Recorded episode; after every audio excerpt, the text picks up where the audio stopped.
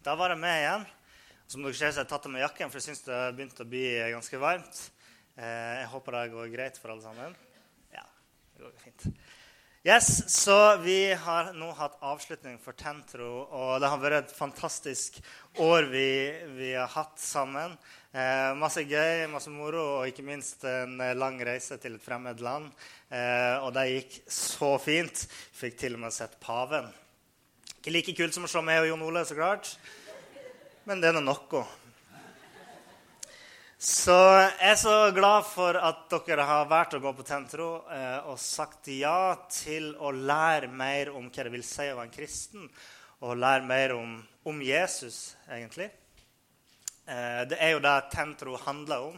Alle kan bli med, uansett hva de tror når de kommer. Uh, uansett hvilken kirke de går i, så kan de være med der. Det er for å lære om hva vi tror på i våre kirker.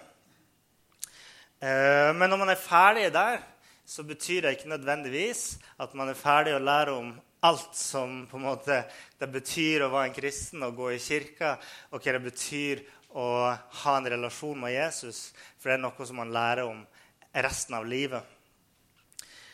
Uh, og og før dere og alle dere andre går ut døra her i dag, så har jeg lyst til å si noen ting om Jesus. Eh, for Gud han, han, har lagt noe på hjertet mitt i dag som, som jeg tror eh, er et budskap som, eh, som er til noen av dere, og som passer veldig godt til dere Tentro-elever, for så vidt. Det er ikke en Tentro-leksjon, så dere trenger ikke å hente permene deres. eller noe sånt. Det går fint. Um, men det jeg skal snakke om i dag, det bygger på ett bibelvers eh, som står i Matteus 28, vers 20. Dere kan få lov til å bruke Bibelen deres hvis dere vil. De har vært så flinke til å slå opp. vet du, Jeg har lært det nå. Eh, Matteus 28, 20. Ja, Det er egentlig ikke et helt vers engang, men det er slutten av det verset.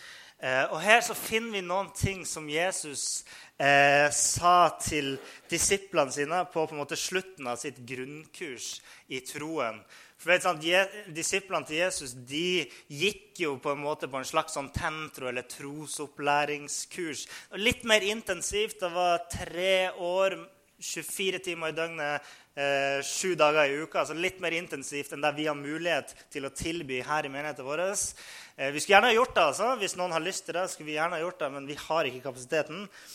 Eh, men så til slutt så kommer den dagen, etter det kurset liksom de gikk til eh, hos Jesus, så kom den dagen der de skulle ut i verden og bruke det de hadde lært, og leve etter det som Jesus hadde opplært dem til. Så at Jesus ga jo dem en slags oppdragelse, for så å sende dem ut på oppdrag. Den var bra. Ok, så, for det var ikke sånn at Jesus brukte all denne tida på å oppdra eh, eller å opplære disiplene sine for at de skulle kunne si etterpå Ja, det var jo kjekt å vite. Men eh, ja, ja, så det Men det var jo sånn at de skulle kunne bruke det her til noen ting. For det Jesus underviste de om, var hvordan de kunne leve livet sitt på en best mulig måte, på den måten som Gud ønsker at vi mennesker skal leve. Eh, så når Jesus sender disiplene sine ut på oppdrag, så sier han til dem i Matteus 28, vers 20.: Og se, jeg er med dere alle dager til verdens ende. Dette er den siste setninga Matteus tenkte at han ville dele med verden. At Jesus sa, 'Se, jeg er med dere helt til verdens ende.' Alle dager helt til verdens ende.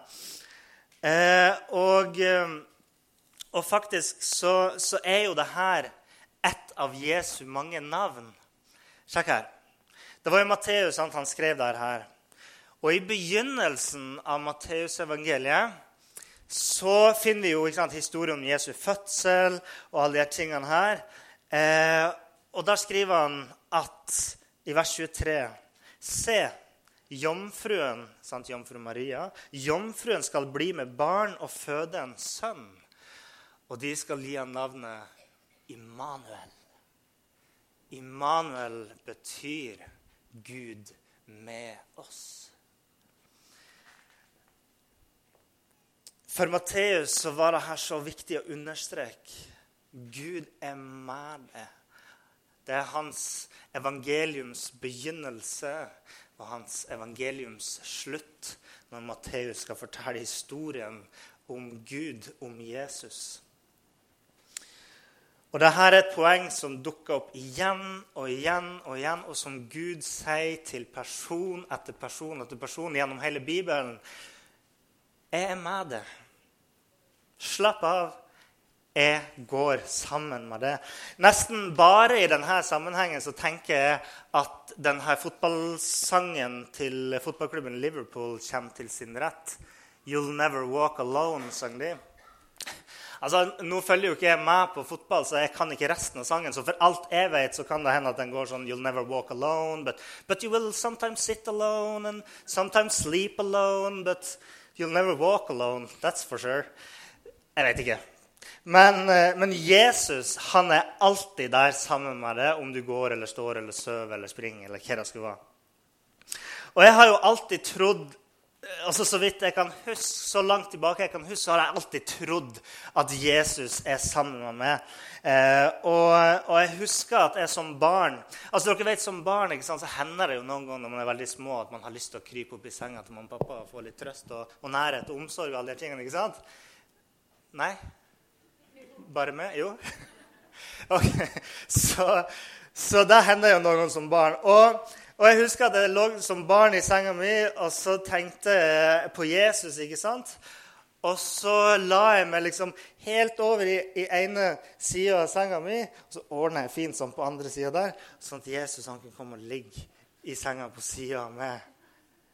Ja, og, og det er jo um, jeg skjønte jo det, ikke sant, at Jesus ikke kom til å ligge der sammen med meg fysisk. Men eh, altså Selv om det er en morsom historie nå klart Ut ifra latteren så var den ikke så morsom. Den var ikke hysterisk morsom. Litt morsom. Og, ehm, og det var ikke bare for å liksom si at jeg som barn var en så flink kristen som hadde liksom forstått liksom at Jesus er nær. og de her tingene her. Men i akkurat den handlinga der så ser jeg et uttrykk for eh, et barn, et barns tro. Et barn som hadde forstått en av de viktigste tingene med Gud. Det er at han er nær. Han er nær. Og, eh, og sjøl om jeg har slutta å lage plass til Jesus i senga mi fordi at nå er jeg gift, og det er kona mi sin plass, jeg kan ikke gi den bort Nei da. Men sjøl om jeg har slutta å, um, å, å, liksom lage plass til han eh, i senga mi, så, så, er det likevel i de stundene der, der uh, ting har roa seg, og dagen er ferdig, og det er stille rundt meg, at jeg har hatt noen av mine sterkeste møter med Jesus. Eh, det er da jeg liksom ligger og tenker, jeg kommer på det, at Gud han er jo her akkurat nå. Vanligvis så går vi gjennom dagen og vi har forstyrrelser hele tida. Og man tenker ikke på det, men kanskje når man ligger der i senga, så husker man det. Men du er jo her nå. Jeg kan jo snakke med deg. Eh, en av mine yndlingsfilmer er Forest Gump. En annen av mine yndlingsfilmer er Star Wars, men de skal vi ikke se her i dag. Men vi skal se litt fra Forest Gump. Jeg har jo innsett etter hvert som jeg nå nærmer meg 30, at uh, en del av de her tenåringene og sånt, har ikke de samme referansene. De har ikke sett de her samme filmene som jeg tenker at alle har sett Forrest Gump. liksom. Alle har sett Star Wars. Men nei, det stemmer ikke alltid. Men altså, Forrest Gump han er, det er en historie om en litt enkel person som, eh, som lever et, veldig innholdsrikt og spennende liv. Mye oppturer og nedturer. Eh, men der han ender med å ha det egentlig ganske bra til slutt. Og denne karakteren, som heter da Forrest Gump, han har så mange bra sånn, utsagn. Og, og vi skal se ett av de utsagnene nå.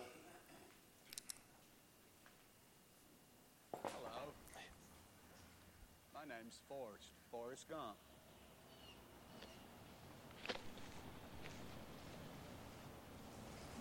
Do you want a chocolate? I could eat about a million and a half of these. My mom always said life was like a box of chocolates. You never know what you're going to get.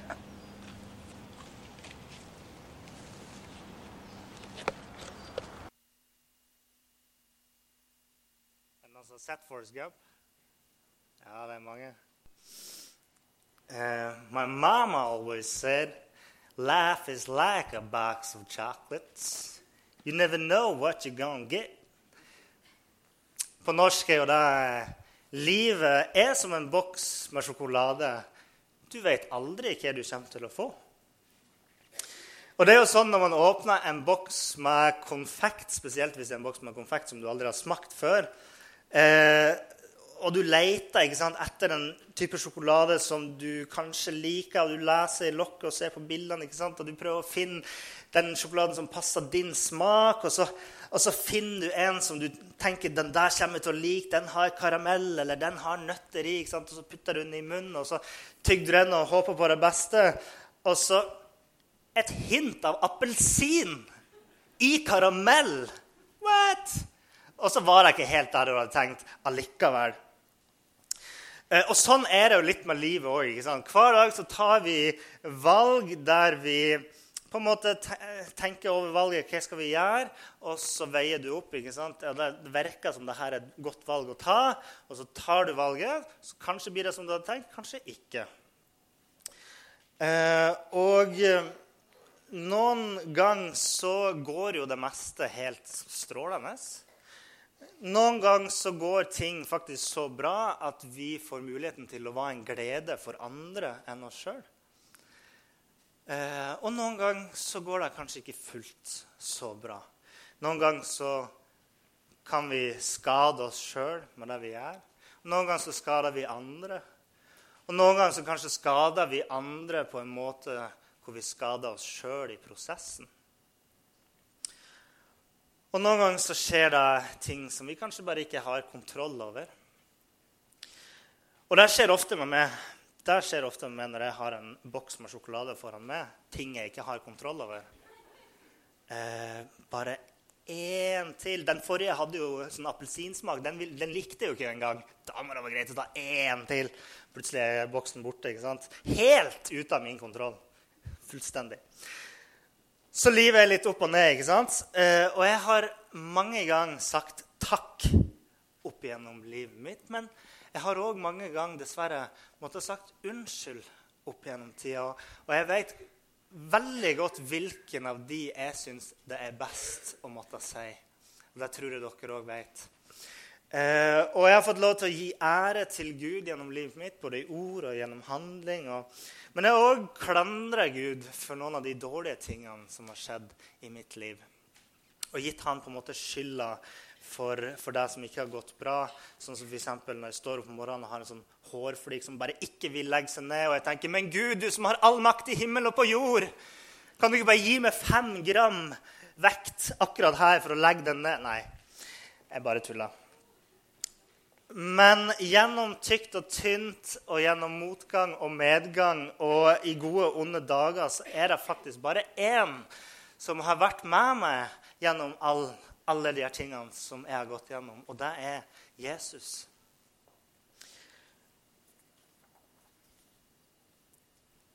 Eh, mamma og pappa kjenner meg ganske godt. Eh, og eh, de vet kanskje ikke alt jeg har gjort, heldigvis. Men de kjenner meg ganske godt. For noen år siden så pussa de opp kjøkkenet hjemme. Og da lærte de litt mer om meg og min fortid. Eh, De fant eh, godtepapir som var gjemt bak både listverk og kjøkkenvifter og det som var. Så det var nok en liten søtmons som hadde tatt litt godteri uten lov der en gang i tida. Eh, Så det er klart, de kjenner meg godt, men de vet kanskje ikke alt om meg. Kona mi hun kjenner meg veldig godt, hun òg, men hun har jo ikke vært med meg hele tida. Det er bare Jesus som alltid har vært med meg, og han kjenner meg nok bedre enn jeg kjenner meg sjøl. Eh, For noen år siden så hadde jeg en fysisk plage som eh, var kronisk, som jeg ikke ble kvitt.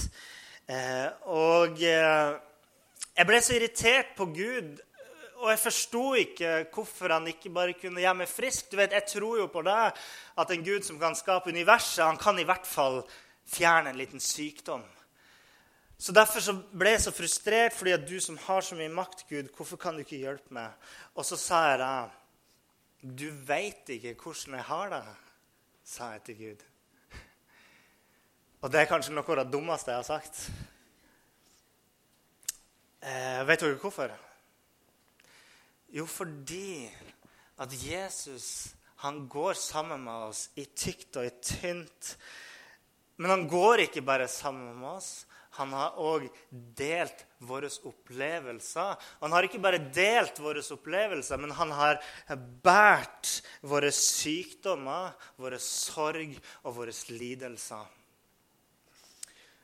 I Hebrevbrevet kapittel 4 vers 15 der står det om det her. For vi har en øverste prest. Altså øverstepresten her er jo eh, Jesus, som står om Jesus. For vi har ikke en øverste prest som ikke kan lide med oss i vår svakhet, men en som er prøvet i alt på samme måte som vi. Jesus er ikke en som ikke vet hvordan vi har det når vi har det dårlig, fordi han har gått igjennom det samme. Han sto ikke bare på sida, men han har kjent det på sin kropp. Og, eh, og vi leser om det som står i Jesus i Jesaja kapittel 53. Her skriver Jesaja om hvordan menneskene så på Jesus da han eh, ble korsfesta og var eh, på sitt svakeste og fremsto som, eh, som et ødelagt menneske. Og der skriver Isaiah han var foraktet. Han var forlatt av mennesker. En mann av smerte, kjent med sykdom, enn de skjula ansiktet sitt for. Han var forakta. Vi regna ham ikke for noe. Sannelig, våre sykdommer tok han. Våre smerter bar han.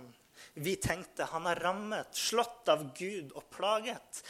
Men han ble såret for våre lovbrudd, knust for våre synder. Straffen lå på ham. Vi fikk fred. Ved hans sår ble vi helbredet. Jeg trengte ikke å bli frisk den dagen, for den plagen jeg hadde, var ikke så forferdelige at, at jeg ikke kunne leve livet videre. Så jeg trengte ikke å bli frisk. Jeg trengte en som kjente meg, en som skjønte meg, en som var sammen med meg eh, når jeg hadde det vondt. Og, og det som gikk opp for meg, det var det at Jesus han er en som sier det. Ikke tro at jeg ikke vet hvordan du har det. Jeg har sjøl kjent dine smerter på min kropp. Jeg har sjøl måttet bært vekten av all menneskehetens synd og sykdom. Jeg har alltid vært nær det, og jeg er med det alle dager inntil verdens ende.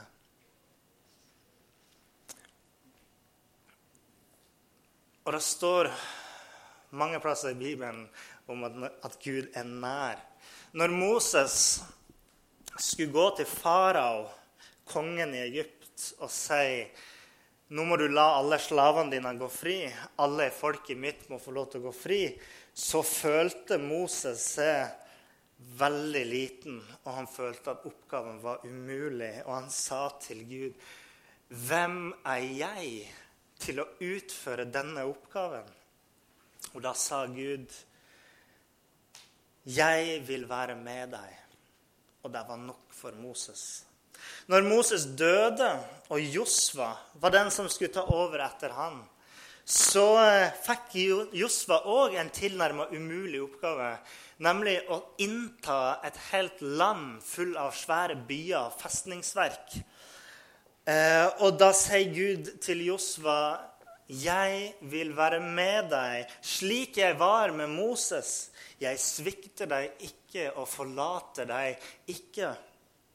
Og flere ganger når Israelsfolket sto overfor store vanskeligheter, så kom Gud gjennom sine profeter og sa til folket.: Frykt ikke, for jeg er med deg. Vær ikke redd, for jeg er din Gud. Jeg gjør deg sterk og holder deg oppe. Og Gud han er litt kul, sant? For å vise at han kødda ikke når han sa at han var nær oss og Derfor så sendte han sin sønn for å bli et menneske som skulle kalles Immanuel. Gud med oss. Og han kom for å gå gjennom alt det som vi opplever i vårt liv som mennesker. Han har òg levd som et menneske og kjent hvordan det er. Han bærte alt det vi har måttet bært, sånn at ingen skulle kunne si det som jeg sa til Gud. Hvordan kan du, Gud, som sitter på din trone i det høye, vet hvordan lille jeg har det? Han har vært her. Han er her. Han har levd her. Han har levd mine sorger og mine smerter. Og han vet det fordi han så det. Han vet det fordi han var der. Og han vet det fordi han bar det. Og Jesus vil at du skal forstå det her, at han alltid er nær. Og så sier han i Matteus kapittel 11, vers 28.: Kom til meg, alle dere som strever og bærer tunge byrder, og jeg vil gi dere hvile. Det betyr ikke at han eh, nødvendigvis kommer til å gjøre livet ditt lett som en plett. Jeg opplevde jo ikke å bli frisk i det tidspunktet, men det jeg trengte, var som sagt en som kjente meg, en som skjønte meg, og det var det som ga meg hvile. Den nærheten han har til oss, er noen gang nok. Dere vet hvor godt det kan være med venner, familie, når man går gjennom vanskelige ting. Det betyr ikke at familien din kan redde deg fra alt som er ondt, men det gir deg hvile å ha noen som er nær. Kom til Jesus, slapp av og vite at han aldri forlater deg. Så jeg har lyst til å, å avslutte med et um, et dikt, et ganske kjent dikt som ble skrevet i 1936 av en dame som heter Mary Stevenson. Og det går sånn her. En natt hadde jeg en drøm. Jeg drømte at jeg spaserte langs stranden sammen med Herren. Over himmelen kom bilder av livet mitt til syne. For hvert bilde jeg så, oppdaget jeg to fotspor i sanden. Det ene var mine, det andre var Herrens. Da det siste bildet for forbi himmelen, så jeg tilbake på fotsporene i sanden. Jeg la merke til at noen ganger i livets løp så var det bare ett par fotspor. Da oppdaget jeg at det var også de gangene i livet mitt eh, da livet mitt hadde vært vanskeligst og mest smertefullt. Dette forsto jeg ikke, så jeg spurte Herren. Herre, du som en gang sa, da jeg bestemte meg for å følge deg, så ville du aldri gå fra meg og aldri forlate meg. Men nå ser jeg at da min nød var størst og livet vanskeligst å leve, da er det bare ett par fotspor. Jeg forstår ikke hvorfor du forlot meg da jeg trengte deg mest. Da svarte Herren, mitt kjære og dyre barn, jeg elsker deg og vil aldri forlate deg.